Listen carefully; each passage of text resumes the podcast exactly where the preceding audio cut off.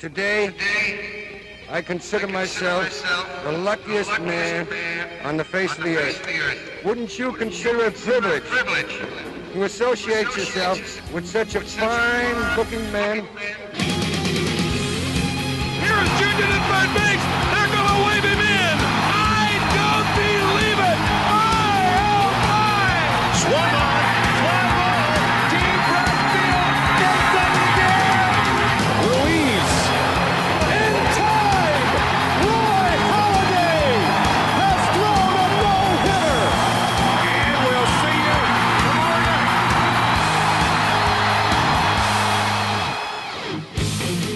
Een beetje later dan normaal, maar met net zoveel zin als altijd. Hier zijn we weer met Just a Bit Outside, de Sport Amerika MLB podcast.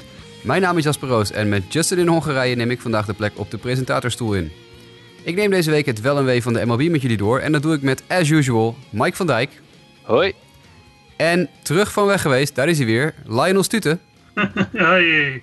Hey Lionel, leuk dat je eventjes in wil springen nu eh, Justin op, eh, op reis is. Ehm heren, het is voor ons allemaal natuurlijk weer een drukke week geweest. Maar desondanks hebben we ongetwijfeld weer veel moois gezien op en naast de Amerikaanse honkbalvelden. Mike, wat is jou het de afgelopen week het meest opgevallen in de majors? Het meest opzienbarende moment vond ik de Yo in one, eh, ja, dat is het, een hole in one, een Yo in one. De home run van Johannes Cespedes afgelopen zaterdag tegen de San Diego Padres. Hij sloeg in de 12-2 nederlaag een bal over de hekken en in een vuilnisbak. Het is echt ongelooflijk. Maar als je de beelden ziet, eh, ja, dan moet je toch echt geloven. Ja, je moet het maar kunnen inderdaad. Ja. Het, eh, de, de geluksfactor bij, eh, bij Jojo Cespedes is altijd... eh, ja, op een of andere manier is hij altijd betrokken, denk ik, bij, eh, bij gekke dingen wat dat betreft. Dus het is toch leuk om te zien. Lionel, wat was jouw moment van de afgelopen week? Of weken voor- in jouw geval natuurlijk. Ik heb er wel eentje van vorige week gekozen. Ehm, ik ga voor de, de walk of home run van Gary Sanchez tegen de Twins. Van afgelopen vrijdag, meen ik. Eh, jullie weten, en voor de nieuwe luisteraars, jullie weten dat nog niet. Eh, maar bij deze, ik hou altijd van, van, van, die, van, die, van die intense momenten. En dat dan de man van het moment opstaat. Hè? En Gary Sanchez deed dat hier. Nou, het is 3-1, het is zo goed als over. En hij slaat hem eruit. Ik vind dat gewoon, dat soort dingen, dat is echt wat voor mij honkbal een mooie sport maakt. Ja, dat was inderdaad een fantastisch moment. En sowieso is eh, Gary Sanchez heel aardig bezig op dit moment. Eh, ja, mijn moment van de week heeft ook weer te maken met, eh, met home runs. Maar dan, ja, het kan natuurlijk niet anders dan dat eh, voor mij het ja, crazy good... dus de crazy goede stretch van, van Matt Davidson is van de Chicago White Sox. Die eh, ja, inmiddels eh, de Kansas City Royals zo ongeveer aan, aan stukken slaat elke keer als hij tegen ze speelt in Kansas City. Ik zag van de week al iemand had eh, de Wikipedia-pagina van Matt Davidson aangepast met zijn functieomschrijving was nu eigenaar van de Kansas City Royals, owner of de Kansas City Royals, want hij, eh, hij blijft ze maar aan stukken slaan. Eh, hij sloeg er van de week weer eh, eh, twee keer twee home runs achter elkaar, zowel op donderdag als op vrijdagavond sloeg Matt Davidson twee home runs tegen de Kansas City Royals. Daarmee kwam het totaal voor hem al op zeven home runs in vier wedstrijden in Kaufman Stadium. En eh, dan moet je daar de statistieken bij leggen dat geen enkele speler van de tegenpartij ooit zoveel home runs in Kaufman Stadium heeft geslagen in een heel seizoen. En Davidson doet dat tussen 1 april en 27 april. Slaat hij dus meer home runs dan welke tegenstander ooit in Kaufman Stadium in een heel seizoen heeft weten te slaan. Eh, op dat moment stond hij op een gegeven moment zelf op eh, zeven home runs in dat stadion van Kansas City. En de Royals stonden als heel team voor het hele seizoen op acht. Dus dat is ook weer eventjes een, eh, ja, een one-man wrecking crew met Davidson. Ik heb eh, gehoord dat in Kansas en omstreken dat nu de Matt Davidson bobbleheads als voodoo dolls Ja. de staat gaan. ja, dat geloof ik graag. Want hij blijft inderdaad maar, maar bezig wat dat betreft. En, en ja, het is, eh, het, het is ontzettend leuk om te zien. Uh, Matt Davidson natuurlijk ook heeft de, de Mike-connectie. Want hij komt bij de D-backs vandaan, eh, jaren, jaren geleden. Maar ik, eh, ja, het is toch denk ik leuk, Mike. eh, ook, ook misschien een klein beetje leuk voor de Diamondbacks. Want heel erg nodig hebben ze hem niet gehad de laatste paar jaar om succesvol te zijn. Dat hij toch, dat het blijkbaar het scoutingapparaat van de D-backs eh, toch ja, iets, iets Talent gezien heeft. Dat, eh, ja, precies. nou ja, oké.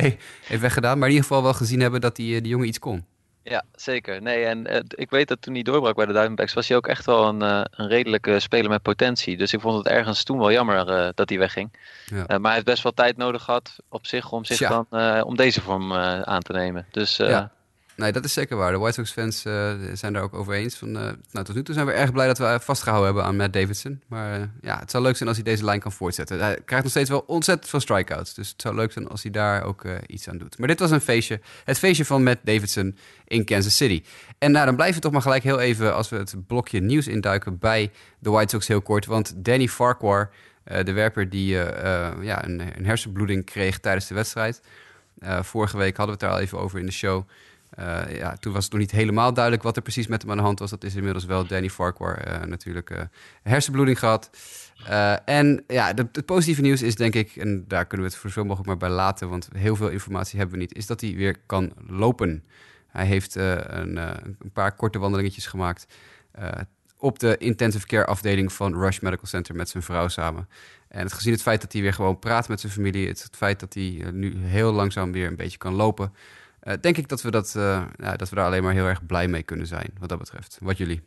Ja, nee, eens. En uh, we, we, namen vorige week de aflevering op de ochtend nadat dit gebeurd was. En toen hadden we de ernst van deze situatie nog niet zo ingeschat. Dus er is een hoop gebeurd in een week tijd, maar de eerste berichten zijn in ieder geval bemoedigend.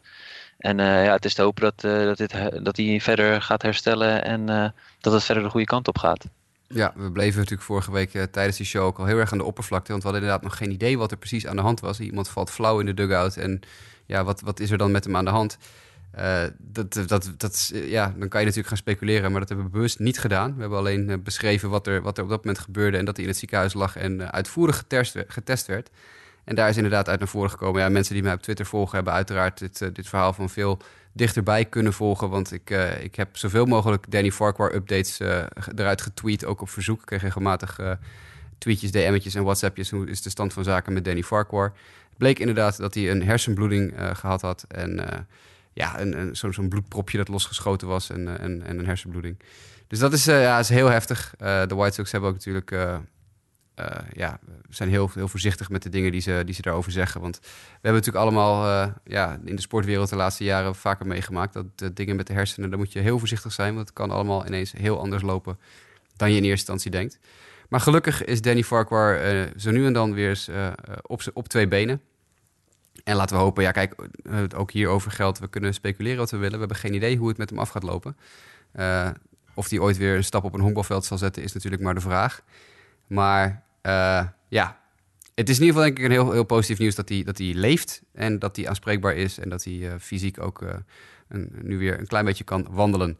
Hij is, hij is mateloos populair bij de White Sox in de bullpen, dus die hadden ook zijn shirt in de bullpen gehangen en noem maar op. Zijn bijnaam is Statcast, want hij weet zo ontzettend veel over de spinrotaties van al zijn collega-pitchers en zo. Dat ja, een, een baan in het pitching coachschap ligt misschien nog wel in het verschiet voor Danny Farquhar. Maar laten we hopen dat hij in ieder geval weer helemaal gezond wordt. Gaan we door naar Mr. Milestone, Albert Pujols. Mike, hij nadert nu de 3000 hits en uh, 619 home runs. We moeten toch denk ik weer even gaan praten over de, ja, de legacy van Albert Pujols, hè? Ja, ik denk het wel. En doorgaans is, eh, is Lionel ook wel iemand die, die wat heeft met legacies en dergelijke. Maar 3000 hits, dat is toch, uh, toch uh, voor weinig mensen weggelegd. Uh, op het moment dat we dit opnemen staat hij op 2996 hits. Dus hij heeft nog vier hits nodig. Nou, ik durf, ja, ja ik ga er maar gewoon aan wagen. Deze week gaat hij de 3000ste hit slaan. Dat gaat hem gewoon lukken. En inmiddels heeft hij ook al zoveel home runs uh, geslagen, 619. Uh, daar heeft hij er nog 11 van nodig om, om Ken Griffey voorbij te gaan. Die had de 630. Dus uh, nee, dit zijn hele indrukwekkende cijfers. En ik moet zeggen, dit seizoen ook. Hè, hij heeft alweer vijf home runs geslagen. Hij staat dit seizoen, uh, naar mijn gevoel, ook weer uh, ja, op de een of andere manier beter te slaan dan, dan vorig seizoen. Dus ja, het, blijft Albert de Machine. de productie blijft redelijk steady de afgelopen drie, vier seizoenen. Um, dus ik vind dat, en ja, ook weer redelijk fit. Want daarvoor heeft hij nog wel enkele blessuren gehad toen, hij, toen hij kwam naar LA. Maar uh, ja, dit is gewoon uh, een indrukwekkende speler. En ik, ik, ik zelf uh, denk dat dit de beste hitter is in het tijdperk dat ik honkbal kijk. En dat zijn nog geen 30 jaar, maar dat, dat durf ik best te zeggen. Nou ja, Lionel, jij en ik kijken misschien al wat langer honkbal. Wij kunnen misschien nog wel de, het debuutseizoen van, van Albert herinneren. Absoluut, absoluut. had jij toen de tijd dit aanzien komen? Nou ja, dat hij nu hier is niet. Ik weet wel, we hebben verleden jaar hebben wij het ook over Albert gehad. Toen hij uh, de 600 voorbij ging, Ja. de home runs. Daar heb ik ook uitvoerig over hem gesproken. Je moet je bedenken wat het is als je inmiddels qua, qua cijfers bij de beste 40 honkballers alle tijden bent gaan horen. De beste 40 op een sport die 150 jaar gespeeld wordt. Je hebt het hier over honderdduizenden mensen die dit gespeeld hebben op verschillende niveaus. En jij hoort bij de beste 40 aller tijden. Dat, dat zegt wel iets. En wat, wat, wat ik vooral bijzonder vind aan, aan Albert is dat. ehm, in, in, in de minors zag je dit niet zo aankomen. Maar vanaf de dag dat hij de Major League binnenstapte, is hij gewoon een grote meneer geweest. Je, je kan zeggen, je hebt eh, maar één Babe Ruth, je hebt maar één Ty Cobb, je hebt maar één Lou Gehrig, je hebt maar één Joe DiMaggio. Maar je komt ook zo onderhand op het punt dat je kan zeggen dat je maar één Albert Pujols hebt. En ik, ja, nou ja, ik ben hier heel erg van onder de indruk. En ik heb verleden jaar ook al gezegd, en dat ga ik nu een keer herhalen. Ik denk dat hij nog een paar jaar blijft spelen. En dat hij gaat proberen de all-time home run le- leader te worden. Ja. als hij een paar jaar nog door kan en fit kan blijven, is dat, eh, is dat geen, eh, geen, geen gekke gedachte voor hem. En het opvallende is dat hij dit jaar. eh, het was natuurlijk vooraf de vraag met de komst van Shohei Otani. Wat, wat er met hem ging gebeuren. Maar het lijkt alsof hij beter is dan dat hij in de afgelopen vijf, zes jaar geweest is. En dat in ieder geval de eerste paar weken. En dat vind ik toch wel een hele fascinerende ontwikkeling. Ja, ja en, en natuurlijk hebben we het over legacy. En natuurlijk hebben we het over de legacy die hij achterlaat op het honkbalveld. Maar vergeet ook niet wat, uh, wat Pujols en zijn familie buiten het veld allemaal uh, betekenen voor de samenleving in de VS. Zowel in St. Louis, waar hij natuurlijk jaren gespeeld heeft, als nu ook in Anaheim. Dit is ook een man natuurlijk met het hart heel erg op de, op de juiste plek, denk ik. En ik denk dat dat hem ook... Uh, nou ja, met, met journalisten of met, met de fans om hem heen natuurlijk altijd heel veel positiefs gebracht heeft. Ja, zeker. Ja, zeker ook als je kijkt in, in wat er in de afgelopen uh, 25 jaar verder op de, op de velden heeft rondgelopen. Die waren niet allemaal even aardig. En daar, uh, daar, zet, daar zet hij zich toch wel apart van de rest uh, in dat opzicht. En ik denk dat dat ook zeker wel op de lange termijn ook zeker wel veel zal bijdragen aan, aan de legende als die groter gaat worden. Ik blijf nog steeds heel mooi vinden. Dat staat ook in het boek van Jonah Carey, de extra 2% uh, beschreven. Dit is dus gewoon een dertiende ronde pick in een draft. Hè? 402 ja, overal. En, en, en dat je dan zulke cijfers, ja, dat blijven wel mooie verhalen. Zulke cijfers uh, in je carrière neerzet, dat is echt, uh, ja, vind ik super mooi. Ja, dat zou je inderdaad bijna vergeten. Hè? Het is precies wat Lionel zegt. In de minor league nooit echt een heel indrukwekkende speler. Laag, de, laat gedraft, zoals jij nu ook aangeeft, 14e, 14e ronde. Uh, dit, dit, dit is inderdaad de charme. Hè? Mike Piazza hebben we ook nog altijd als mooi voorbeeld. Die ergens helemaal aan het eind van de draft gedraft werd en dan uitgroeit tot een Hall of Famer. En, en Pujols, heel veel honkbalkijkers en mogelijk zelfs de, de mensen die pas nou ja, een jaar of uh, tien misschien de Major League volgen. Die hebben eigenlijk altijd een Major League gekend waar Pujols een belangrijke rol in speelde. Terwijl ja. het eigenlijk nooit een, een, gegeven is geweest dat hij dat ook daadwerkelijk zou worden. Nee, iedereen, iedereen uit zijn draftklas is al lang verdwenen. Ja. Alles wat hoger gekozen is, is al lang verdwenen. Of ja. misschien één of twee spelers na, maar dat durf ik zo uit mijn hoofd niet te zeggen. Maar het overgrote deel is gewoon verdwenen. En hij is er gewoon nog steeds. Terwijl hij inderdaad, wat je zegt, een dertiende ronde pick was. Uh, dertiende, ja, ik zei veertiende, ik bedoel dertiende. Uh, ja, nee, dat heb je een goed punt. We zouden voor de gein even kunnen kijken of we de, de draft van 1999 uh, erbij kunnen pakken. Want hij werd in 1999 99 gedraft. Volgens mij zat Adrian Gonzalez daar ook in. Uit mijn hoofd gezegd. Maar verder durf ik niet te zeggen dat of er nog iemand ik, anders is. Die, ik uh... heb hier staan dat de first round pick in die draft, uh, correct me if I'm wrong, Josh Hamilton. Dat klopt. Nummer 1 overall Josh Hamilton. Nummer 2 overall Josh Beckett. Die kennen we ook allemaal natuurlijk nog wel. Dan komt er een heel rijtje zeer er weinig zeggende spelers. Totdat we bij nummer 9 en 10 aankomen. Dat zijn Barry Zito en Ben Sheets. Ook allebei inmiddels niet meer actief. Brad Myers, de werper, uh, langdurig bij de Phillies gezeten natuurlijk, weten we nog. En bij de Astros uh, is nog in die eerste ronde gedraft. Dan weer een hele rij niks. Dan komen, krijgen we Alex Rios, de outfielder van de Toronto Blue Jays, komen dan tegen. Ook al niet meer bezig in de honkbalwereld. Dan hebben we jongens als Larry Bigby, Matt Ginter, die ook niet meer honkballen. Mike McDougall, de reliever, ook niet meer in honkbal. Dan een heel rijtje die nooit überhaupt de majors hebben gehaald. En dan, ik zit nu de hele tweede ronde ben ik door en ik zie serieus geen enkele naam die, ik, uh, die me nog iets zegt. Ja, ja. Nog, wat, nog, wat, nog wat supplemental first round picks. Uh, Colby Lewis, Casey ja. Fossum en Brian Roberts. Casey Fossum heb ik inderdaad hier ook staan nog. Brian Roberts natuurlijk heeft ook uh, behoorlijk wat uh, gedaan. En dan hebben we nog other notable players hier. Carl Crawford is uit diezelfde draft. Is Carl Crawford officieel al met pensioen? Volgens mij nog niet. Even kijken. Mm, hij staat als voormalig eh honkballer te boek. Dus dat zou betekenen dat hij inderdaad Het zou wel kunnen dat hij dan afgelopen winter of zo, even kijken. zoiets... Ja. Ja, Ah, we hebben er nog één. Ik heb er eentje. Dit is een echte. Brandon Phillips.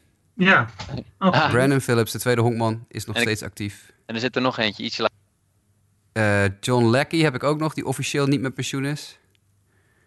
Eh, Justin Morneau hebben we nog.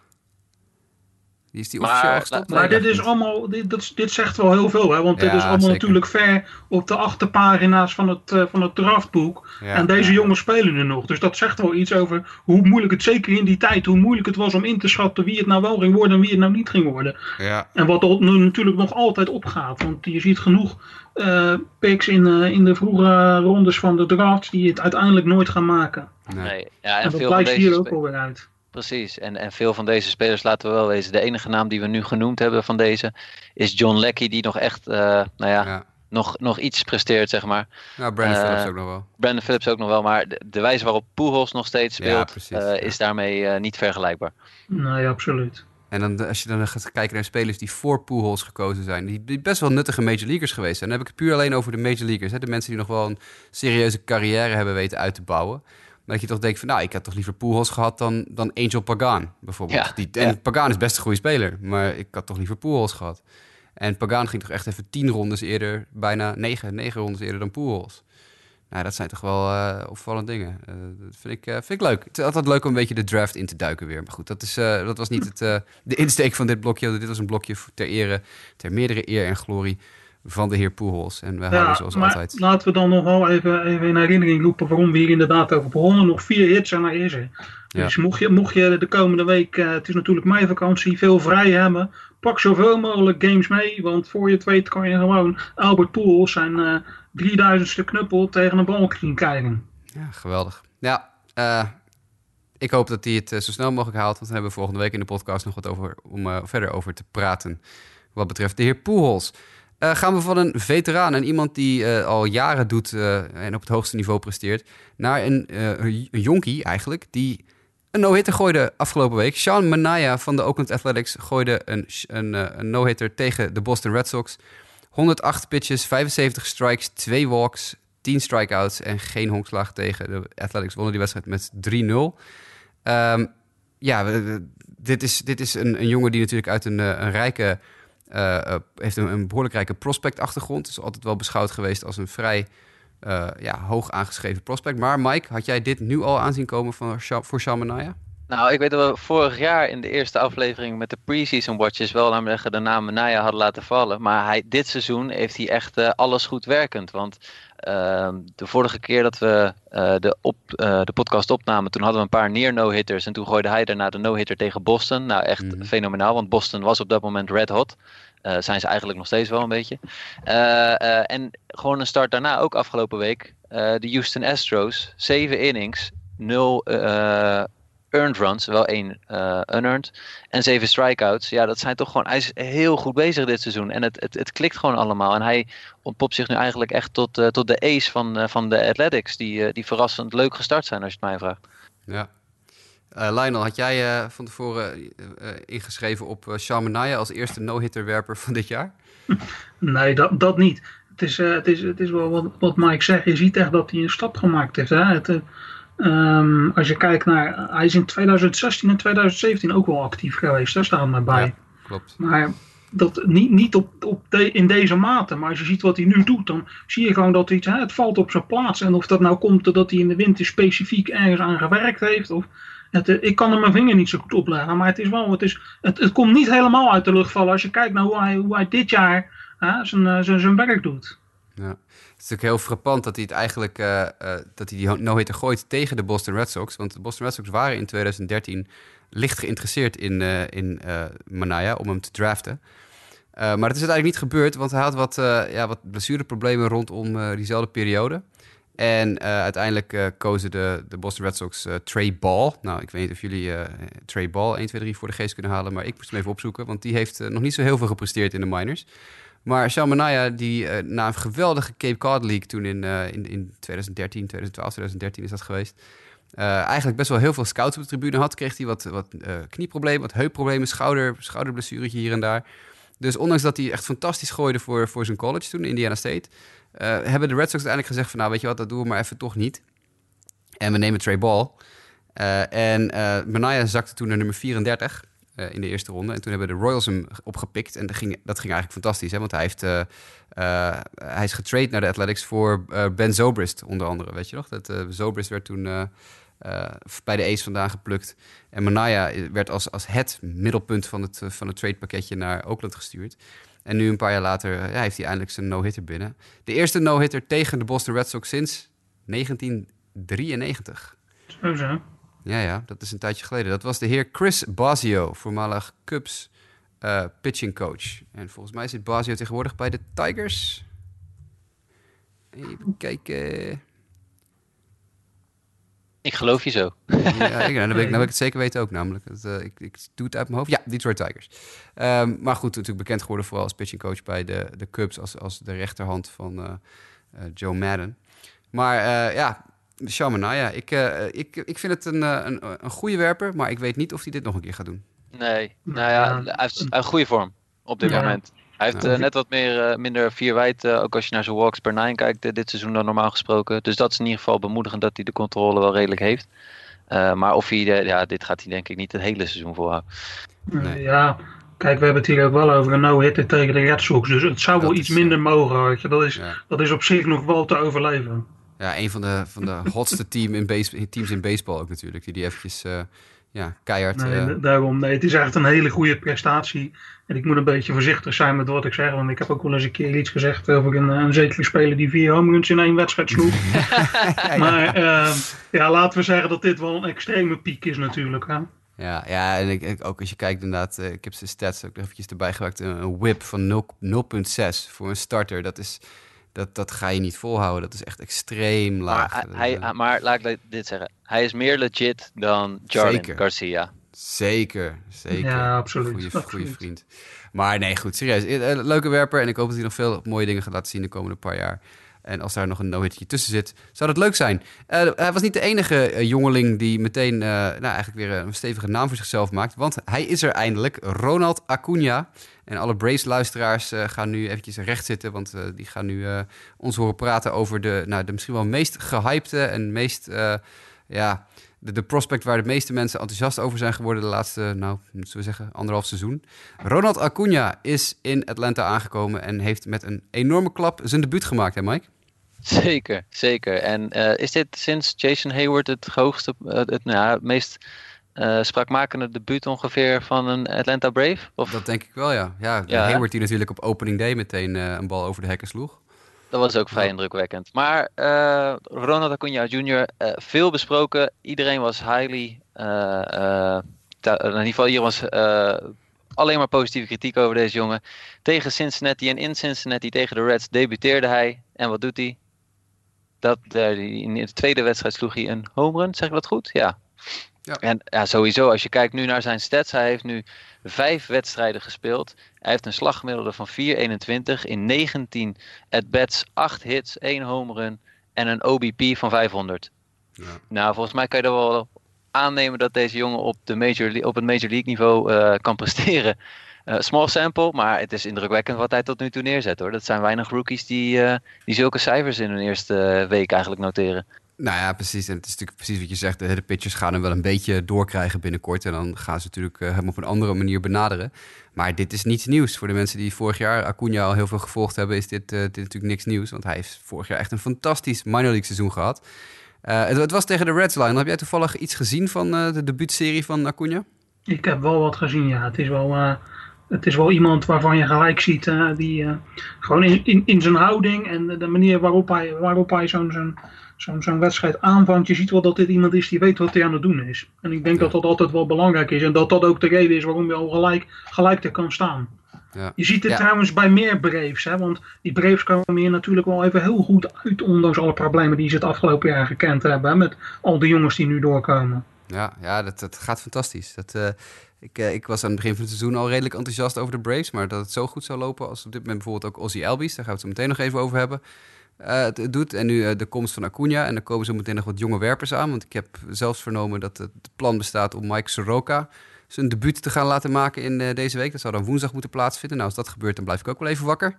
Voorzichtig laat Dansby Swanson ook wat goede dingen zien. Ja, inderdaad. Dansby begint een klein beetje eh, zijn draai te vinden. Eh, dus het is eigenlijk, eh, ja, loopt het, loopt het verrassend leuk eh, bij dat team daar. Maar ja, wat betreft Acuna, ik denk dat het heel goed is dat hij er is. Heel veel kritiek geweest natuurlijk op de Braves natuurlijk van mensen die zeggen... ja, waarom is hij er niet gewoon vanaf opening day bij geweest? Nou, dan grijp ik weer even terug op Jason Hayward... want die werd dus wel op opening day op het starting roster gezet... en daardoor verloren de Braves hem twee jaar eerder dan normaal gesproken het geval zou hoeven te zijn... omdat hij te duur werd. En nu hebben ze met Acuna drie weken gewacht... en dat betekent dat ze hem zeker één en misschien zelfs wel twee jaar langer... kunnen houden tegen een heel schappelijk prijsje. Het is veel te vroeg om hierover te beginnen. Ja, oké, dat is waar. Het is, het is veel te vroeg om hierover te beginnen. Hè? De jongen heeft een week gespeeld. Maar als Ja, hij maar goed, dit redelijk, de redelijk vol weet te houden, is de Ja. All-Star Game nog hartstikke mogelijk voor hem om te halen. Hè? Want het stemmen gaat natuurlijk binnenkort beginnen en hij heeft alle hype Ja. en de bandwagon op ze, met zich mee. Het doet Ja, me dat zou kunnen, ja.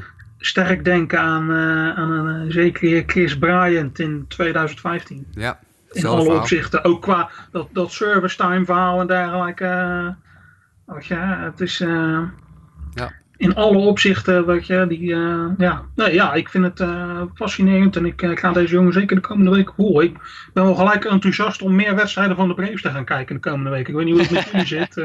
Ja, ik, ik keek al redelijk wat Braves zo nu en dan, want er zitten wel meer leuke spelers bij. En ik heb er behoorlijk veel in verspreid over mijn fantasy teams, eh, kwam ik achter. Dus dat is ook nog een andere reden voor mij om, eh, om daar een blik op te werpen. Maar ja, nee, Acuna is, is natuurlijk al...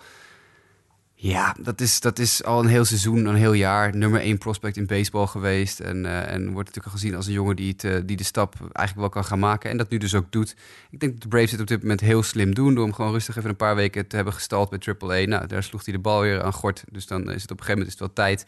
En dit is de leukste tijd van het jaar, denk ik, voor mensen die ook houden van prospect call-ups. We hebben er nog meer gezien de afgelopen weken. En er gaat er nog meer aankomen. En de grote namen gaan er ook aankomen. We verwachten Michael Kopech bij de White Sox in, de binnen Waar nu en een blijft paar Nick weken. Senzel? Waar Nick blijft Nick Senzel, ja, dat is, dat is de Reds. Die hebben niet, daar niet helemaal, nog helemaal, eh, denk ik, de boel op een rijtje. Maar eh, waar, waar blijft Nick Senzel, eh eh, Lionel? Ja, ehm, ja, wat moet ik hier nou op zeggen? Het is eigenlijk een beetje een vraag die ook bij de Jets gesteld wordt. Hè? Waar blijft hij? Wanneer Ja. komt hij nou? Ja, ik denk dat heel veel mensen heel graag zouden zien dat, eh, dat er een plekje wordt ingeruimd. Maar eh, ja, we, we blijven er nog even op wachten. Hopelijk dat het op korte termijn dan toch ervan mag komen. Ja, nee, dat is, eh, het, is, het is een leuke periode. Je, zit nu in die fase tussen eh, service time eh, problemen, dus arbitration problemen, en de Super 2 status. Nou, de Super 2 status, dat is pas, eh, dat verloopt als ik geloof, ja, dat varieert elk, elk, elk jaar, maar ergens eind juni, begin juli. Dus als er teams zijn die niet zo heel veel waarde hechten aan de Super 2 status, dan kunnen ze nu al eh, prospects gaan eh, oproepen, zoals de Braves met Acuna hebben gedaan. En als er dan nog mensen zijn die wel, eh, teams zijn die wel de Super 2 status intact willen houden van een speler of hem juist niet die status wil geven, dan moeten ze nog even wachten. Maar er komen leuke namen aan. En eentje daarvan, en dan spring ik eventjes over twee dingetjes in onze outline heen. Want Nick Kingham, dat is zo'n zo'n prospect. Die werd even opgeroepen door de Pirates van de week. En die had een vrij aardig debuut, denk ik dat we kunnen zeggen, Lionel. Ja, één hit. Eh, wat was het? Negen strikeouts, nul walks. Ja, Het is niet, niet bepaald het debuut wat je dagelijks ziet natuurlijk. Sterker nog, dus debuut, er was maar één debuut in de 21 stel wat, hieraan, eh, wat zich hieraan kon meten. Ik weet niet of jullie toevallig paraat hebben wie, wie, wie een vergelijkbaar debuut eh, in deze eeuw had. nee, niet in deze eeuw. Ik heb het van de vorige eeuw wel voor me. Maar Ja, roep maar. Ja, vorige eeuw, dat, hebben we het over jongens als Ken Cloud en Wayne Simpson. Die eh, Ja. de, de langste streaks hadden. Dan heb ik het over Ja, 1970 en 1997. Maar dat... eh, In, in deze eeuw hebben we Johnny Cueto gehad. Oh, Johnny Quay. Oh, ja, nou, Cincinnati Red natuurlijk eh, geweest. Dus, Daarom, daarom dat het ook zo voor in mijn gedachten zit. Maar het is natuurlijk, ja, ja, ja, die Pirates hè. Tja, nou, Kingham was fantastisch, man. 26 jaar hè, natuurlijk inmiddels al. Dus al een Oh, paar jaar ja. doet hij, doet hij altijd mee in de, in de prospectlijstjes of eh, net erbuiten. Dus ik geloof dat dit jaar bij mij viel hij er onder andere net buiten. Stond hij wel in het, eh, onder het kopje Players to Watch. Maar eh, vorig jaar stond hij, dacht ik, wel in de top 10. En die nu als 26-jarige inderdaad eventjes opgeroepen wordt. En bam, gewoon de eerste 20 eh, slagmensen naar de kant stuurt in zijn Major League debuut. Heb jij het zitten kijken, Mike, of niet? Nee, ik heb het niet gezien. Ja, nee, ik, ik was ook niet in de, uh, in de buurt van een, uh, een televisie om het te kunnen zien. Ik, ik kreeg in de appjes. auto. ja, ik, ik, kreeg af en toe een notificatie op mijn telefoon. Maar ik, ik reed ergens uh, door de stromende regen in, in Frankrijk toen dat aan de gang was. Maar ja, dit, ja, fantastisch. Gaat hij dit volhouden is alleen nu wel de vraag. Ja, een beetje hetzelfde waar we het net met, met Sean over hadden. Het is natuurlijk wel sorry, een enorme piek. En dat is natuurlijk wel lastig om, om, om zo'n zo'n zo'n niveau vast te houden. Maar uh, ja, wie weet dat hij dit seizoen in ieder geval sterk kan blijven spelen. Ja, ik vind het zo vervelend om, uh, om negatief te zijn. Maar ergens zeg ik dan ook van, het was zijn eerste start. Dus laten we zeggen, weinig hitters hebben hem nog gezien. Dus dat is al een beetje zijn voordeel. En, uh, ja. Maar tot nu toe laten we gewoon positief zijn. Nick Kingham, hij is in de Major Leagues, toch? Ja, ja nee, het, is wel, het is opvallend als je kijkt naar zijn statistieken van de laatste paar jaar in de minors. Iedere keer als hij een stapje omhoog deed had hij uh, eigenlijk in eerste instantie altijd moeite met dat niveau. Dus uh, hij is al jaren speelt hij in de minors. Hij begon in rookieball in 2010 uh, met een ERA van 0. Toen ging hij één stapje omhoog. Toen werd zijn ERA 2,15. Oké, okay, nog steeds dik in orde. En weer een stapje omhoog, 4,39. Dat consolideerde dan één seizoen. Hij één seizoen bleef hij een beetje op hetzelfde niveau. En dan ging hij weer een stapje hoger. En dan werd het weer, zijn ERA weer iets hoger het eerste jaar. Dus telkens het eerste jaar dat hij in een nieuwe, op een nieuw niveau speelt ja, dus uh, in 2015 haalde hij AAA voor het eerst, was het 4,31. Het jaar daarna werd hij teruggezet naar AA, was het 5,73. Kreeg hij ook niet helemaal goed voor elkaar. En ook vorig jaar dan weer AAA 4,13. Maar dit jaar in AAA, nou dus drie keer... Uh, vier keer een stuk van zijn, van zijn seizoen in AAA te hebben gespeeld... dat hij in één keer een 1,59 ERA met 27 strikeouts in 22 innings... En maar zeven walks, dat is ook uh, iets wat je nu meteen ziet. En dat niveau heeft hij dus wel met weten door te trekken naar de, naar de Major League. Dus ik, ik ben licht optimistisch dat Nick Kingham misschien nog wel eens uh, een heel nuttige Major League pitcher uh, kan gaan worden. Dat is, is, het dan ook zo dat in andere situaties dat hij vanaf opening day van het betreffende seizoen zeg maar er stond en dat hij nu eerst een kleine aanloopfase heeft gehad? Of zou dat los nee, van elkaar zou, staan? Dat zou heel goed kunnen. Ik, uh, ik heb uh, natuurlijk niet, niet een zicht op wat hij in het offseason bijvoorbeeld gedaan heeft. En of wat hij in spring training heeft gedaan, heb ik ook niet 1, 2, 3 hier uh, voor me. Ik kan dat wel heel even opzoeken natuurlijk. Kijken of hij in spring training ook een vergelijkbare ja, start had. Maar ik, hij ja, had ik... spring training dit jaar. Hmm. vijf appearances, vier games gestart en een ERA van 8,76. Ja, ja dat, is, dat heeft hij dus misschien dat, juist dat, dat hikje al gehad. En dat hij dus de kans heeft gehad om uh, iets bij te werken.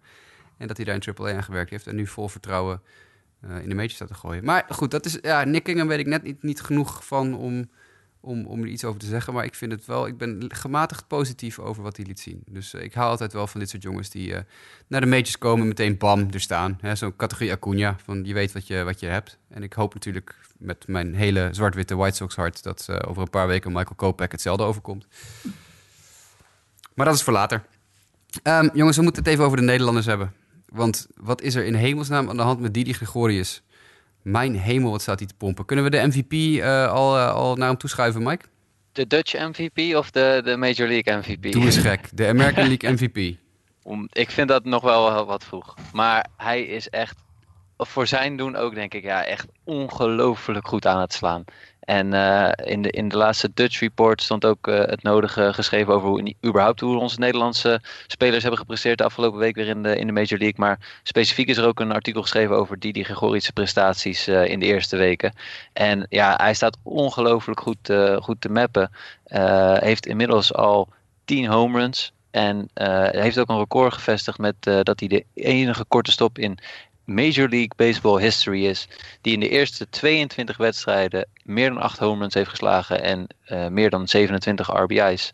27 of meer RBI's uh, eh, heeft binnengeslagen. En dat is echt uh, ja, super indrukwekkend. Ik, bedoel, ik weet nog in de tijd dat hij bij de Diamondbacks zat en daarvoor ook kwam van de Reds. Deze speler stond echt niet bekend om zijn bed. zijn glove work, en vind ik eigenlijk nog steeds, zijn veldwerk is echt fenomenaal en echt te genieten. Ik zit echt te genieten als ik hem zie spelen met zijn, uh, zijn mooie acties uh, als korte stop. Uh, maar dit is echt dat hij nu ook echt zo goed slaat. Ja, weet je, je moet wel. Dat staat ook goed beschreven in het artikel op de Sport Amerika website van Hans Mulder. Thuis heeft hij negen homeruns geslagen en uit één. Dus hij profiteert dit seizoen wel heel erg van, van het stadion tot nu toe. Maar goed, je moet die ballen nog steeds goed slaan en, en ze over de hekken tillen. En dit is echt, uh, heel indrukwekkend wat hij, wat hij heeft laten zien tot nu toe. Ja, nou, dat is inderdaad wel een dingetje hoor, om even in de gaten te houden. Want inderdaad, eh, die, de, de grafiekjes en de tabelletjes die in het artikel van Hans staan, die geven dat eh, denk ik ook heel duidelijk aan. Dus zijn OPS is thuis 1510. Nou, dat is sowieso echt absurd. Maar het is eh, bijna de helft, wat zeg ik? Het is de helft eh, eh, als hij uitwedstrijden speelt. Eh, en daarbij heeft hij thuis ook nog een redelijk hoog BABIP van 368. Eh, dus er is, er is, het is een- misschien een klein beetje boven zijn niveau wat hij staat te ballen. Maar laten we wel wezen, iemand die minder dan 100 slagbeurten heeft en die al 30 RBI's heeft. Extrapoleer dat even over een heel seizoen. Hè. Wat krijgt een, eh, een Major League starter aan, eh, aan at-bats elk jaar? Een stuk of 550, pak een beetje 600 als je hoog in de order slaat. Ja, ja. Nou, dan, dan moet je dat dus keer 5, 6 doen. Dan kom je dus op 150 RBI's voor Didi Gregorius uit aan het eind van het jaar. Aaron dat hebben- Judge, eat your heart out. Ja, dat is echt dat is absurd. Ik bedoel, dat, dat, dat, dat hebben we sinds de deadball era denk ik niet meer gehad, zo'n beetje, 150 RBI's.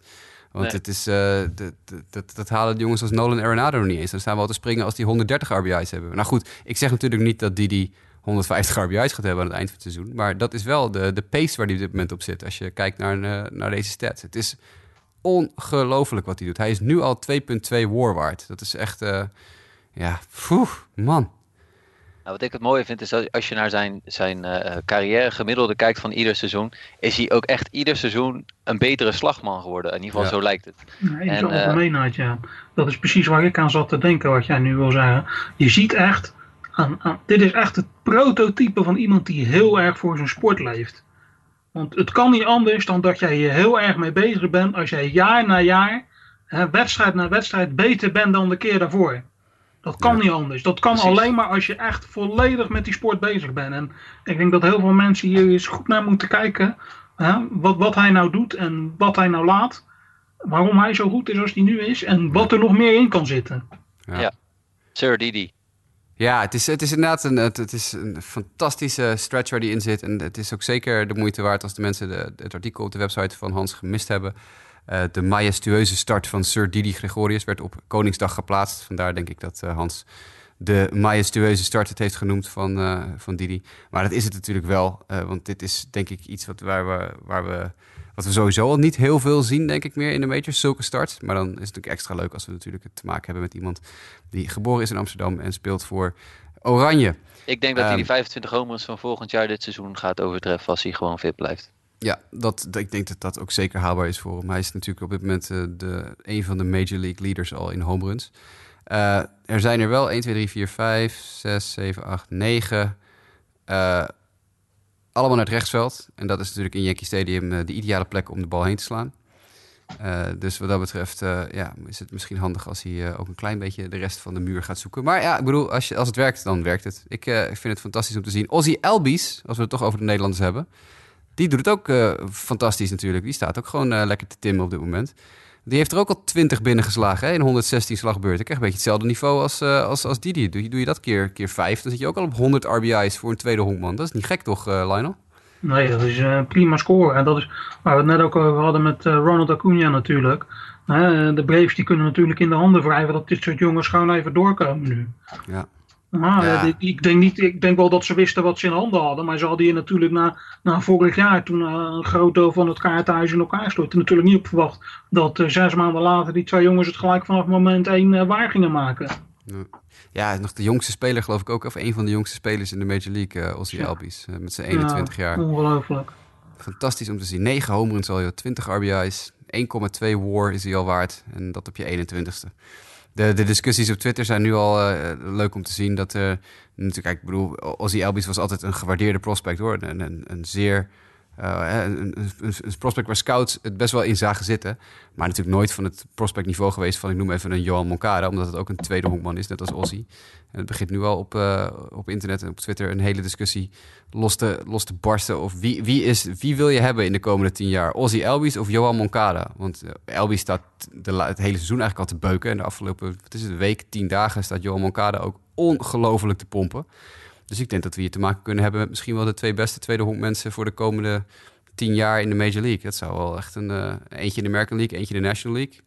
Vorig jaar hadden we natuurlijk over dat vanwege die geweldige prospectverzamelingen van zowel de Braves als de White Sox, dat het nog wel eens zou kunnen zijn dat we twee organisaties hebben die meerdere keren in de World Series tegenover elkaar zou, zouden staan. Het zou natuurlijk fantastisch zijn als we Ozzy aan de ene kant en Moncada aan de andere kant op, op het tweede honk zouden hebben staan in de World Series. Dat zou echt, denk ik, ja, pure sterrenstatus zijn.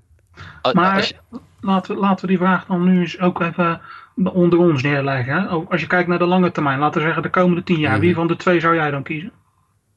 Ik persoonlijk? Ja. Mag ik er even over nadenken? Dat mag. dat mag. Oeh, ik denk, ik denk maar ja. Uh, is Moncada qua offensief power net iets beter dan Ossie? Ja, ik weet het niet. Ik, ik, ik denk, ik neig naar Moncada. Ja, ik ook. Ik ook. Ja, ik, ik, wil het niet als eerste zeggen, want dan krijg ik weer het, uh, de schuld in de homo. nee, dus daarom denk ik, ik gooi jullie eerst even onder de bus. Maar uh, ja, nee, ik ook, absoluut. Ja. Ik ook. En ik, niks, niks, niks tekort doen aan, aan Ozzy hoor, maar ik denk gewoon, gewoon op de lange termijn, met alle kwaliteiten waarvan je weet dat Moncada ze heeft. En het kan best zijn dat dat inderdaad pas de laatste tien dagen een beetje op gang is gekomen en de tien dagen daarvoor niet. Maar dat neemt niet weg dat je weet dat die kwaliteiten bestaan. En dat op de lange termijn je daar wel veel meer profijt van kan hebben dan uh, vooral heel veel power uh, bij, bij, bij Ozzy. Ja, nou dat is een beetje het grootste punt. Uh, LB is natuurlijk nooit echt een verleden gehad als een echte powerhitter. Dus die negen homeruns die hij nu al heeft genoteerd. we weten nog niet zeker of dat, een, of dat een eenmalig iets is. Of dat hij daadwerkelijk een Didi Gregoriaanse power burst aan het doormaken is. Het zou best kunnen. Dat zijn allemaal jongens die nooit bekend staan om hun, om een knuppel die nu ineens uh, ja, blijkbaar de, de, de sweet spot vinden. Maar inderdaad, Moncada uh, rankt consequent bij de, de, de hardst geslagen ballen in de majors. Alles wat hij, alles wat hij raakt, is, raakt hij ongelooflijk hard. En dat gecombineerd met, hij, hij is iets sneller dan Ozzy Albies. Hij speelt defensief minstens net zo goed als Ozzy. Want ook, ook Albies is een bovengemiddelde verdediger natuurlijk. Dus ja, ik zou ook zeker ik zou ook voor Moncada gaan. Ik, vind, ik, ik hoop heel erg dat dit gewoon de twee beste tweede honkmensen worden. En dat we inderdaad die World Series gaan krijgen uh, tegen de Braves bijvoorbeeld. Want ja, dat zijn natuurlijk de twee sterren dan. Maar ik ja, uh, als ik moet kiezen, kies ik, uh, kies ik nog steeds Moncada. Dan neem ik zijn strikeouts op dit moment er maar eventjes voor lief bij. want ja. Hè. Maar ah, ja, absoluut. Als, als we nog even bij de Nederlanders blijven. Xander Bogarts bijna weer fit. En Andrelton Simmons nog steeds ook aan het meshen qua slaan. Ja, Simmons Echt. staat goed te slaan zeg. Dat is, Oftewel, uh... al Dutchies moeten ongeveer gestemd worden in de All-Star Game. Jongens, laten we daar gewoon even de bandwagon voor maken. Ja, toch? ja, jammer dat, uh, dat Kenley zo'n moeilijk, zo moeilijk jaar heeft tot nu toe. Want die begint wel een klein beetje beter te gooien. Maar het ziet er nog steeds niet heel indrukwekkend uit. En, ja. Uh, ja, en Profar heeft het natuurlijk ook moeilijk. Profar en Kenley zijn als enige twee Nederlanders uh, negatieve war waard op dit moment. Het is ongekend toch dat, dat, dat, dat, uh, dat we zulke spelers hebben die eigenlijk gewoon de top van de Major League zijn. Het is echt ja. bizar, nou ja, uh, bizarre tijden, maar wel super mooi. en dan hebben we het nog niet eens over Jonathan Schoop gehad, die nog geblesseerd is. En als hij terugkomt, uh, hopelijk ook weer gewoon zijn oude niveau haalt. Want die was vorig jaar natuurlijk uh, op zijn positie een, van de, een van de betere potentiële All-Stars. Dus dat is, die komt nog terug.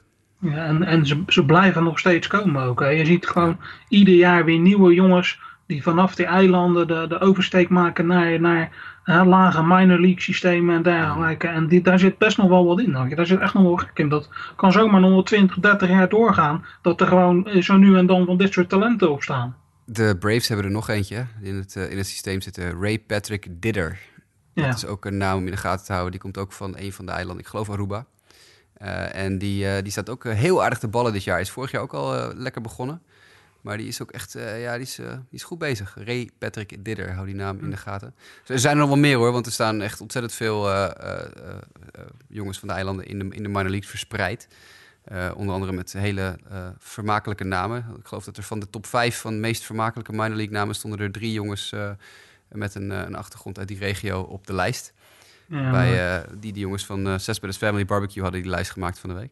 Maar ook qua talent, inderdaad, wat je zegt. Het, het, uh, we gaan mooie tijden tegemoet wat dat betreft. Dus, ja, ja, en even nog één, een klein ander dingetje wat mij nu zo te binnen schiet. Mike zegt net en Drelton Simmons. Maar hebben jullie nou niet het idee dat Shohei Otani een soort omgekeerd Ewing effect te, teweeg heeft gebracht daar in, in, in Californië? Dat iedereen uh, nog beter is gaan spelen daar. Of je nou Simmons hebt of Mike Trout, die gewoon, waar we nu al ongeveer over eens kunnen zijn dat dit de beste honkballen alle tijden gaat worden. Of je neemt Albert Pujols of je neemt Otani zelf. Iedereen die daar speelt is gewoon nog een niveau hoger gaan spelen sinds hij daarbij is gekomen. Ja, ja dat zijn goede effecten. Ja, het is niet. Uh, de Angels spelen lekker en inderdaad iedereen stijgt daar boven zich, uh, boven en het waren uit. allemaal al gewoon, gewoon topspelers. En ze lijken gewoon allemaal nog een versnelling erbovenop te hebben. Dat is gewoon, ja, mateloos fascinerend om te zien. Ja, het, het niveau om je heen. Hè. Als je natuurlijk slechte spelers om je heen hebt, dan heb je zelf ook niet zoveel zin. En als, je, als er goede spelers om je heen staan, dan wil je bewijzen dat jij ook bij die goede spelers eh, hoort. Dus dan eh, ga je nog een stapje harder, eh, harder lopen, denk ik. Ja, Ehm, ja, zeker voor de Nederlanders moeten we dat natuurlijk goed in de gaten houden. Eh, we gaan even door, want we hebben nog eventjes, omdat ik wat gesprongen heb in de outline, zijn een paar van, van Mike's mooie bruggetjes eh, in duigen gestort. Zo hadden we een mooi bruggetje van Nick Kingham naar Jung Ho Gang, omdat allebei Pirates zijn. Maar eh, serieus Mike, komt Jung Ho Gang nou weer terug? Ja, hij heeft, we hebben het vorig jaar over gehad. Deze man had een, een DUI penalty gekregen en had geen visum daardoor gekregen, waardoor hij niet meer terug mocht naar Amerika. Maar de beste man heeft inmiddels weer een visum. En eh, hij mag weer gaan honkballen in de Verenigde Staten. Hij staat nog steeds onder contract in Pittsburgh. Dus hij gaat nu naar Extended Spring Training om zich weer fit te spelen en eh, deel eh, uit te gaan maken op termijn, hopelijk voor hem, van de, ja, van de line-up van de Pittsburgh Pirates. En ja, dat is toch wel een, ik denk wel een kleine versterking voor de, voor, de, voor de Pirates, die op dit moment ook gewoon ontzettend goed hoekbal staan te spelen met eh 17 overwinningen en 11 nederlagen na, na 28 wedstrijden. Dat hadden we denk ik eh, toch allemaal niet voorzien, eh, zo'n start. Nee, dat niet. Maar intussen schud ik wel even mijn hoofd door over deze situatie. Want dit was natuurlijk Jung Ho Gang zijn derde eh, DUI al in Korea. Hij heeft een gevangenisstraf uitgezeten inmiddels. En de Pirates hadden al gezegd dat ze geen interesse hadden om hem... of dat ze niet vanuit gingen dat hij weer terug zou komen. En dat ze ook zoiets hadden van, nou, is maar mooi geweest. Als je drie keer met drank op achter het stuur vandaan geplukt wordt. Dan is het wel mooi geweest. Maar nu ze inderdaad een beetje goed spelen... hebben ze toch zoiets misschien van, nou, laat maar komen. Maar waar gaat hij spelen dan? Welke positie? Mijn gevoel zegt, als ik kijk naar de line-up, hè, op derde honk hebben ze nu eh Moran die gewoon Ja. zich redelijk staande houdt. Eh, ik vermoed dat hij dan korte stop gaat spelen in plaats van Jordy Mercer. Als hij beter blijkt in spring training en dergelijke. Hè. Okan heeft Ja. natuurlijk denk ik ook een tijdje niet eh, echt Major League Pitching tegenover zich gehad. Dus hij zal eerst moeten laten zien dat hij het niveau weer heeft. Maar dan, dan denk ik dat hij korte stop gaat spelen. Ja, dat lijkt me ook, want Mercer zijn contract is ook op, volgens mij aan het eind van het jaar. Dus dat, eh, daar hebben de Pirates niet zo heel veel baat meer bij. Maar zonder dat het inderdaad een, eh, eh, het morele besef van de Pittsburgh Pirates wat dat betreft een rekbaar begrip is. Ja, dat, dat denk ik ook. De Jung Ho Gang dus weer eh, terug in de NL Central eh, zometeen. Eh, daar, gaan we verder even niet te veel aan gaan besteden. Het is een nieuwtje dat we even moeten noemen. En voor de rest eh, mag iedereen daar het zijn over denken. Dan nog heel even terug naar de serie tussen de White Sox en de Kansas City Royals van eh, vlak voor het weekend. De, Matt Davidson-serie. Dit hebben we het al uitgebreid over gehad. Dus we gaan Matt Davidson even links laten liggen. Maar als we het toch over goede rookie-debuten hebben. We hebben het gehad over Ronald Acuna. We hebben het gehad over Nick Kingham. Dan moeten we toch ook wel Daniel Palka even noemen. Wie is Daniel Palka? Daniel Palka was een voormalig eh, top 10 prospect van de Minnesota Twins. Ongelofelijke powerhitter. Die echt ontzettend hard kan slaan. Maar ja, zoals elke powerhitter wat eh, moeite heeft ze nu en dan met eh, zijn strikeouts en zo. Is afgelopen winter van de Twins naar de White Sox gegaan. Uit mijn hoofd via waivers. De Twins probeerden hem te waven en de White Sox zeiden... nou, eh, die claimen we, kom maar hierheen. En Daniel Palka werd de eerste speler sinds Michael Conforto van de New York Mets... die in de eerste week van zijn Major League carrière... tenminste één keer vier hits in een wedstrijd had. Hij ging namelijk vier uit vijf van de week, Daniel Palka. met zijn eerste home run. Dus voor het eerst sinds Michael Conforto een speler die vier hits en een home run heeft. Vier hits in één wedstrijd en een home run in zijn eerste week in de majors. Shout-out naar Daniel Palka. Je kan het slechter doen in je leven. Absoluut. En hij staat echt enorm te beuken. Ik had het ook eh, geschreven in die, eh, in die AL Central eh, Inside Baseball. Zijn laatste, even kijken, dat is een tweet van afgelopen nacht. Zijn laatste zeven plate appearances bij Daniel Palka. Double, triple, out, home run, double, single, single. Dus één uit in zeven plate appearances met een triple, twee doubles en een home run. Dus dat, eh, hij staat de bal goed te zien op dit moment, eh, denk ik. Dus eh, Daniel Palka is gearriveerd, zullen we maar zeggen. Lionel, Yes. we komen aan bij het blokje dat we speciaal voor jou ingeruimd hebben. Want jij bent zoals iedereen die vorig jaar onze show luisterde nog wel weet... onze specialist als het aankomt op internationaal honkbal. Hè, de honkbal niet zozeer direct gelieerd aan Major League Baseball... maar alles wat we daar omheen hebben. En we hebben wat nieuwtjes op dat gebied. En dat is een van de redenen dat we je natuurlijk graag in de show hebben. Wat kan je ons vertellen over het op de fles gaan van de ELB? Om te beginnen, wat is het? En waarom is, het eigenlijk eh, op sterven na dood? De ELB is inderdaad failliet gegaan vorige week. Tenminste, het is... eh, ja, ik denk dat dat gewoon een faillissement genoemd kan worden. De, de boel is gewoon eh, gesloten. Er is één seizoen gespeeld. Ik, uit mijn hoofd gezegd was dat 2016. Ehm, het was een Europese equivalent van, van de Major League. Hè. Het moest een Euro Europese competitie worden. Met uh, grote teams uit, uh, uiteraard uit Nederland en Italië. En dan gewoon zeg maar, de top acht landen van Europa. Dus Spanje, Frankrijk, Duitsland, Tsjechië, Rusland, Litouwen. Um, moesten twaalf teams aan mee gaan doen. En dan gewoon een, een Major League in Europa moest dat gaan worden. Met op termijn doorgroeien, misschien met allerlei plannen over uh, de, de, de, nationale competities. Die dan als een soort farms competities zouden gaan dienen. Uh, hoe dan ook, het klonk allemaal heel leuk. Er is één seizoen gespeeld met, met drie teams. Wat redelijk in de anonimiteit is gespeeld. En daarna liep alles een beetje in de soep. En helaas is het verder niks geworden. En gaat het ook niks meer worden. Wat, is, wat ligt aan ten grondslag? Ja, vooral natuurlijk uh, het, het dwarsliggen van met name Nederland en in iets mindere mate Italië. En ook de internationale bonden die er gewoon veel moeite mee hadden dat er een, een, een, een derde partij instapte die, um, die zeg maar een beetje dwars inging tegen de, de nationale bonden en de, de, de Europese en internationale bond met een overkoepelende competitie. Want ja, uh, bijvoorbeeld in Nederland uh, wilde, vanuit Nederland wilde graag uh, Neptunus en Amsterdam Pirates meedoen. Of in ieder geval in een variant daarop. Dus een Amsterdam team en een Rotterdam team. Waarin spelers onder andere van Neptunus en Pirates zouden gaan spelen. En daar kon de, de, de, Nederlandse hompelbond zich niet zo goed in vinden. En die gingen daar, daar dwars in liggen. Waardoor uiteindelijk die teams zich terugtrokken. Dat was ook de reden waarom er uiteindelijk nog maar drie teams overbleven voor dat eerste mm. seizoen. Die teams trokken zich terug.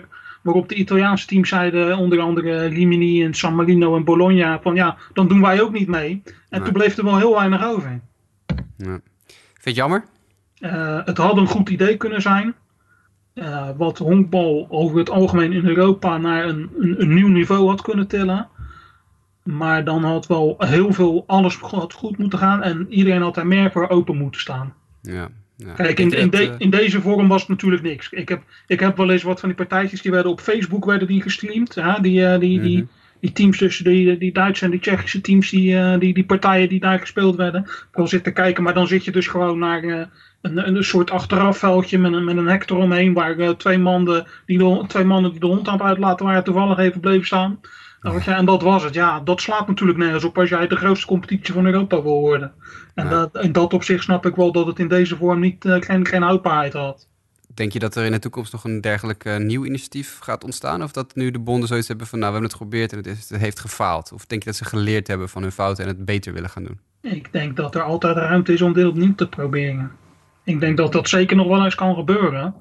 Uh, waarbij inderdaad zeker gekeken moet worden naar de fouten die hier gemaakt worden. Maar niet alleen dat. Je kan ook heel veel leren van uh, fouten die uh, independent leagues in Japan en Amerika maken natuurlijk. Want daar gebeurt dit ook met enige regelmaat. En als je nou die lessen neemt en dan kijkt van uh, waar kunnen wij.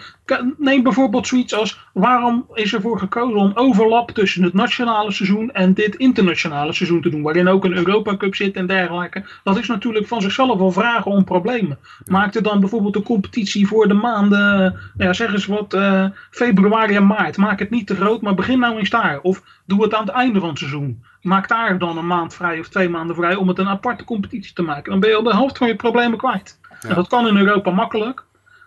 Dus waarom zou je het dan niet op die manier bijvoorbeeld proberen? Maar goed, dat zijn allemaal dingen waar je dan over kan nadenken. En dan zou er wel een kans zijn dat het toch kan slaan. Misschien moet de Europa Cup wel omgevormd worden naar zoiets als dit.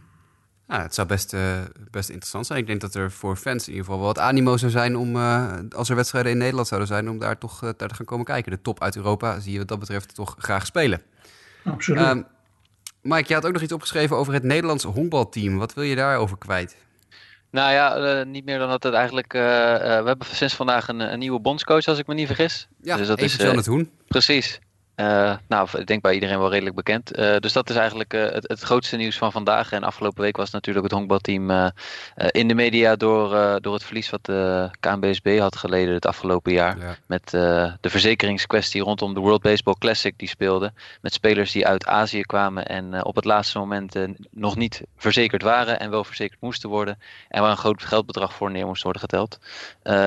ik denk dat de meeste mensen en luisteraars van deze podcast daar op zich van op de hoogte zijn. Dus ja. Uh, we noemen niet... het even omdat het uh, honkbalnieuws is. Ja. Maar dat, uh, laten we het verder niet, niet te diep op ingaan. Want de, ja, de problemen bij de honkbalbond zijn denk ik bij de meeste mensen wel bekend. En laten we hopen dat ze snel opgelost worden. Want Ik Yes. denk dat niemand zit te wachten op, eh, op dit soort eh, ongein.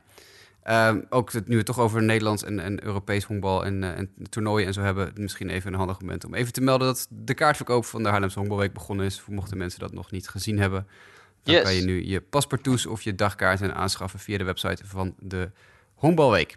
Zeker doen. Lionel, je Ehm, had een lijstje van vijf, zei je, of vijf of ik- zes dingetjes waar je nog even aandacht aan wil besteden. Ik, geef jou gewoon de microfoon en eh, eh, laat ons, praat ons bij over de dingen die wij eh, buiten de Major League absoluut moeten weten. Ik heb inderdaad wat, wat kleine dingetjes. Ehm, laat ik beginnen met, de- met de op handen zijnde verkoop van eh, Wembley Stadium in Londen. Nou, wat, eh, wat heeft dit met Amerika te maken? Wat heeft dit met de Major League te maken? Eh, de partij die dit gaat kopen onder leiding van een heer eh Shad Khan is natuurlijk Amerikaans. En er is natuurlijk al lange tijd een wens om meer Major League naar Europa te krijgen. Dus er zou hier een, een opening kunnen zijn. En dit is natuurlijk wel iets heel bijzonders als dit zou kunnen gebeuren. En als het ook een succes wordt. Er zou een opening kunnen zijn nu naar Wembley Stadium. Om daar eh, Major League wedstrijden te gaan spelen.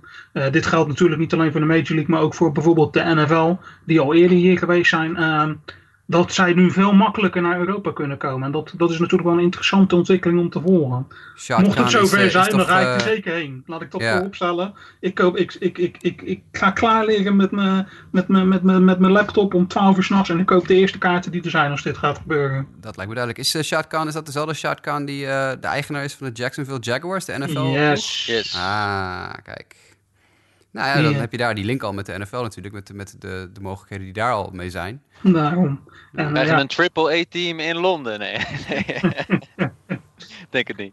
nou ja, het, het, het- dit is wel iets wat trouwens in het, in het rugby al gebeurt. Hè. Daar in het Engelse rugby zijn er gewoon een Canadees en een New Yorks team in de afgelopen jaren toegelaten. Ja, eh, je, je noemt het nu nog iets geks, maar op termijn is dit misschien wel helemaal niet zo gek gedacht. Zeker als dit soort partijen naar, naar, naar bijvoorbeeld Wembley eh, komen. Ja. Niet dat daar dan gelijk een, een, een minor league team, een triple A team eh, wordt gestationeerd. Maar de, de, de lijntjes worden wel wat korter natuurlijk hè, op deze manier. Ja, nee, dat, dat zeker. Wat had je nog meer? Eh, de Yankees hebben een eh, grote Koreaanse sponsor, eh Doosan. Misschien al bekend omdat ze ook sponsor van de MLB zelf zijn. Het is een, een, een bedrijf dat iets doet in graafmachines, dus het is niet, niet heel spannend. Maar eh, ja, de Yankees hebben hier in ieder geval een goede deal mee gesloten. Want eh, die, eh, die gaan eh, heel veel eh, doen in Korea nu. Buiten de MLB nog eens om. Die al heel veel in Korea doen. Hm, nou, dat is een interessante stap in, in een markt die denk ik nog wat onderbelicht is gebleven, wat Ja. dat betreft. Je kan er maar je lijntjes hebben. Hè? Ik bedoel, ook in Korea heb je natuurlijk je hebt de, de, de KBO en de, de, de Koreaanse minor league daaronder. Hè? Dat, Mhm. ja, je, je kan er maar kort op zitten. Hè? Je hebt nu gewoon een voordeel ten opzichte van anderen, omdat jij mensen daar hebt zitten die wat voor jou kunnen betekenen. Ja, ja dat is een interessante ontwikkeling. Nog iets over Azië. We weten natuurlijk allemaal dat eh, de, de Olympische Spelen 2020 eraan komen, langzaam maar zeker. Eh, afgelopen week is een, een, een, een delegatie van onder andere de MOB en het IOC naar Tokio gegaan om even te zeggen dat ze wat duidelijker moeten zijn. Want eigenlijk is er gewoon nog altijd niet zo heel veel bekend over wat nou precies de inhoud en de vorm van dit honkbaltoernooi moet gaan worden. Er is eh, recentelijk natuurlijk wel een soort kwalificatiesysteem naar buiten gekomen. Wat niet heel erg logisch in elkaar zat, maar goed, dat terzijde. En er is nu toch wel vanuit zowel de MOB als uit de IOC zijn er wat klachten gekomen van joh, het moet wat duidelijker allemaal, want eh, dit gaat nergens over. Hmm. Wat in mijn ogen wel weer iets zegt over de mogelijkheid om eh, MLB-spelers of minor league spelers op die spelen te gaan zien. Want waarom zou de MLB zich er anders mee bemoeien? Ja, nee, dat is, dat is eh, ik, daarom zei ik even, hmm, dat is denk ik de belangrijkste eh, wat we daaruit kunnen halen natuurlijk, is dat, dat die connectie dan weer terug is.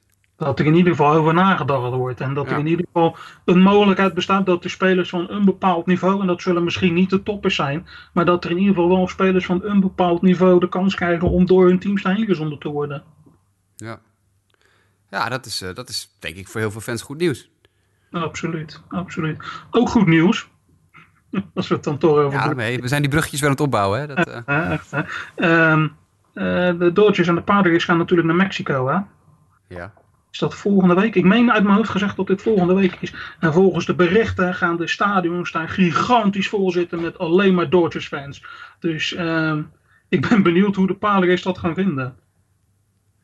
Is, eh, is daar, denk je, eh, die, die Mexicaanse Aankomend pool weekend. in die stadions. Is dat, is dat voldoende, denk je, voor, om, om dit een, een wederkerend iets te maken?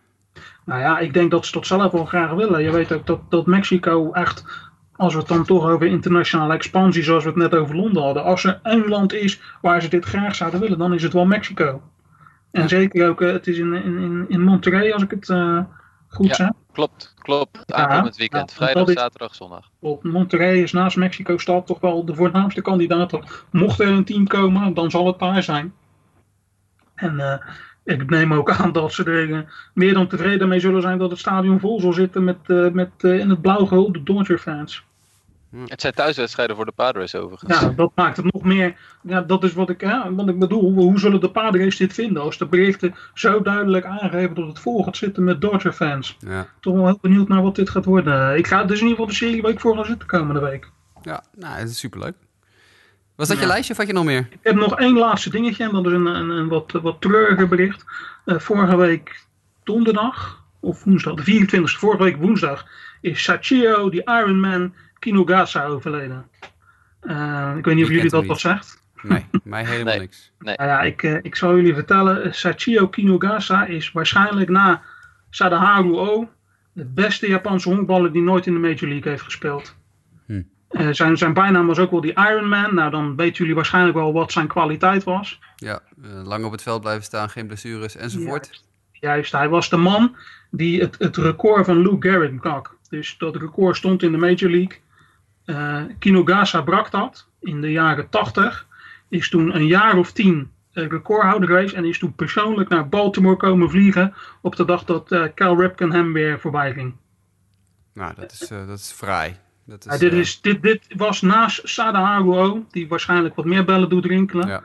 was dit toch wel de beste Japaner die nooit in de Major League heeft gespeeld. De man was 71 jaar, hij, had, hij leed aan darmkanker. Eh, en is helaas eh, afgelopen woensdag overleden. Nou, dat is toch wel een naam, denk ik, eh, voor, voor honkballiefhebbers. Zeker voor mij ook, om eventjes te gaan googlen. Want dat soort mensen moet je toch altijd in ere houden. Als je een beetje geluk hebt, denk ik dat je zelfs nog wel wat beelden kan vinden. Deze man speelde tot eind jaren 80. Hij speelde in de jaren 70 en de jaren 80. Dus met een klein beetje geluk kan je misschien zelfs nog wel wat beelden van hem vinden. Hij speelde, hij speelde bij de Carp. Ja, niet, eh, niet bepaald een klein team ook in Japan natuurlijk. Dus, eh, en zij, in de tijd ook dat dit echt een, een kampioensteam was. Dus eh, ja, Nou, ja, interessant ook om al naar te kijken. stuur mij straks even in, eh, via WhatsApp eh, de pre- precieze spelling van deze naam. Dan kan ik hem even overtypen voor in de podcast episode beschrijving. Dat is goed. Ehm, Mike, we gaan heel snel door een heel klein rondje blessures met jou. Want wie heb je eruit gepikt deze week om eventjes te benadrukken? Yes, laten we eventjes inderdaad snel van oost naar west gaan. En dan gaan we beginnen met Tim Beckham. Die is geopereerd aan een core muscle. Die is in ieder geval een week of zes uitgeschakeld. De Baltimore Orioles speler.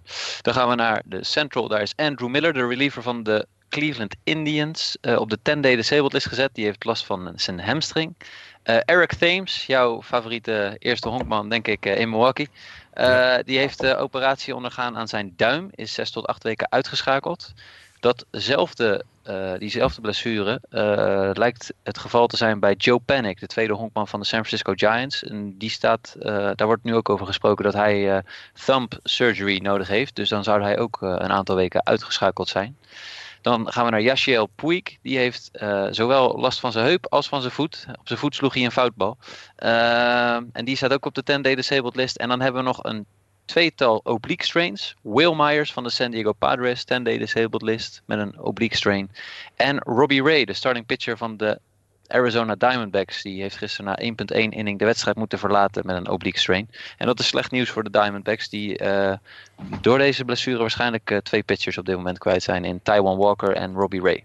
Het is ook slecht nieuws voor de mensen die hem in fantasy baseball hebben. Ik noem geen namen, maar... eh nou ja, goed. Die 1.1 inning was wel zijn beste outing van de laatste paar weken. Dus wat dat betreft Kijk, eh, kijk. heb ik daar, die lol heb ik weer. En deze week eh, moet ik tegen Mark, Mark Meijering onze, in onze Sport America Fantasy League. En hij heeft Robbie Ray in de Sport America Fantasy League. Dus heb ik ook weer een klein beetje geluk. Maar niks over fantasy, want we hebben nog een mailback-vraag. En daarmee sluiten we de show af. Dat is een mailback-vraag van Jannik Bastiaanse. Een vaste luisteraar en eh, ook iemand die regelmatig ons voorziet van interessante uh, lezersvragen. Ook deze is weer interessant. Hij schrijft het volgende. Ik lees even de mail voor. Als eerste, heren, wil ik jullie van harte proficiat wensen met een ongelooflijke podcast die jullie elke week weer uitbrengen. Aangezien ik in België woon en honkbal daar nooit of nauwelijks ter sprake komt, is jullie show een verademing voor mij. Nu ik de MLB sinds 2010, sinds de World Series Cards Rangers, op de voet volg. Nou, Yannick, laten we daarmee beginnen. Uh, we doen dit met plezier en heel erg bedankt voor je vriendelijke woorden. Maar dan gaan we naar de vraag van Yannick. En dat is eigenlijk een vraag waar ik zo 1, 2, 3 geen antwoord op zou hebben. Namelijk, wat moeten de Mets met Matt Harvey doen? Moeten ze hem naar AAA sturen, naar de bullpen? Moeten ze hem kans blijven geven als nu Vargas ook terug is? Moeten ze hem toch traden? Lionel, jij bent eventjes GM van de New York Mets. Wat doe je met Matt Harvey? Zo. Poeh. Wat gaan we met Matt Harvey doen? Ik denk dat ik hem zou gaan traden. En denk je dat er een markt is om hem te traden? Denk je dat je iets van waarde terug kan krijgen voor hem? Of zou je hem gewoon willen dumpen eigenlijk? Die zak, die zak met ballen meestal, die is wel beschikbaar in. Ja, die zak met ballen is er altijd wel, ja. ja twee hotdogs en een Bud Light inderdaad. Ja, dat, ja, uh... inderdaad. En als je, als je hem naar de Marrow nu stuurt, krijg je een paar sprinkhanen.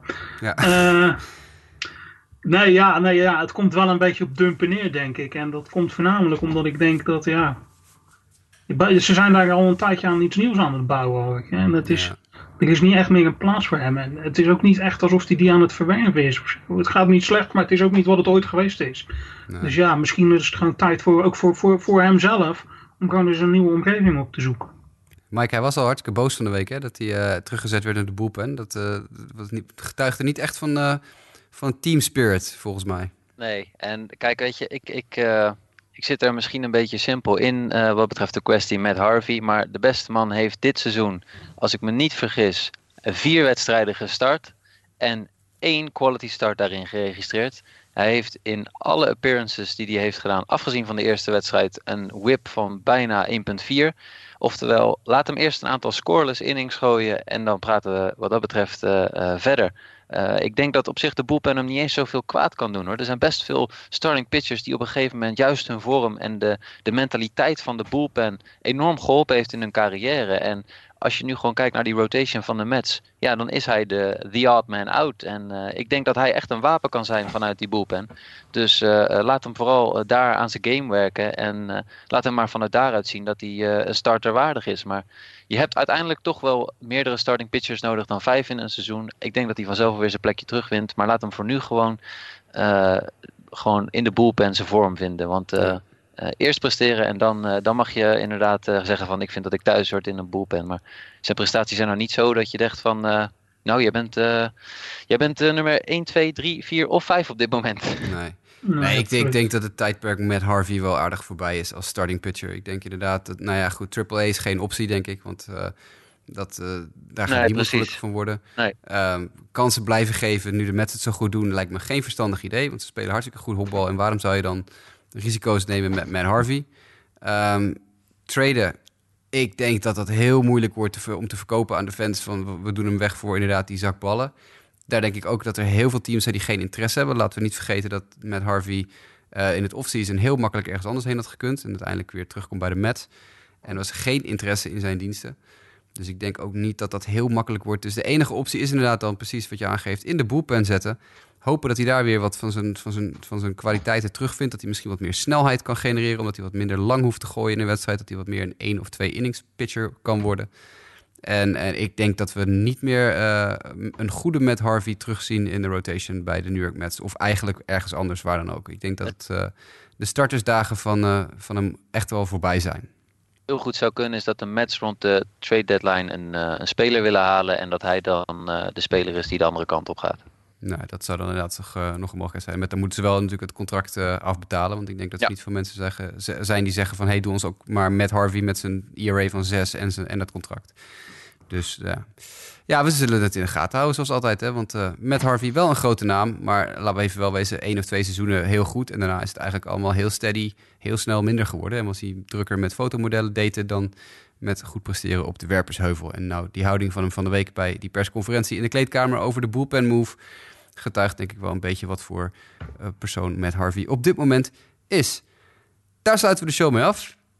Mike, hartstikke bedankt dat je er weer was. Lionel, superleuk dat je eventjes aan wilde schuiven. Yes. Nu Justin eh, even afwezig was. Ik eh, weet Geen dat wij er sowieso erg blij mee zijn. Maar ook zeker een, een aantal luisteraars hier of daar zullen eh, met, met gloeiende oortjes weer naar, jou, eh, naar jouw analyses luisteren zometeen.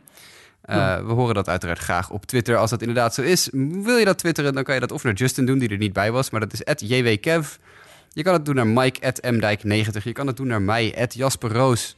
Je kan het doen natuurlijk naar Sport Amerika via @sportamerika of via facebook.com slash sportamerika. En wil je nou zelf een mailbackvraag insturen, kan het of via al die social media kanalen, of je gebruikt gewoon lekker ouderwets justabitpodcast at gmail.com. Heren, ontzettend bedankt. Ik spreek eh, Mike sowieso volgende week weer. Lionel, hopelijk kunnen we jou weer een aantal keer eh, gedurende het seizoen inpluggen. Dat zou gezellig zijn. Ik Even checken zeker hoe het terug. allemaal gaat. Ik weet dat er nog een eh, buitengewoon diepgaand eh, artikel van jou aan zit te komen op Sport Amerika. eh, over onder andere de homerun barrage die we al enige tijd eh, meemaken. Dus lezers, eh, fans van eh, Lionel's schrijfwerk, moeten ook zeker de website in de gaten houden. Want wie weet verschijnt er binnenkort wel eens een uitgebreid artikel van Lionel Stutenshand op Sport Amerika. Voor nu, bedankt voor het luisteren en tot volgende week.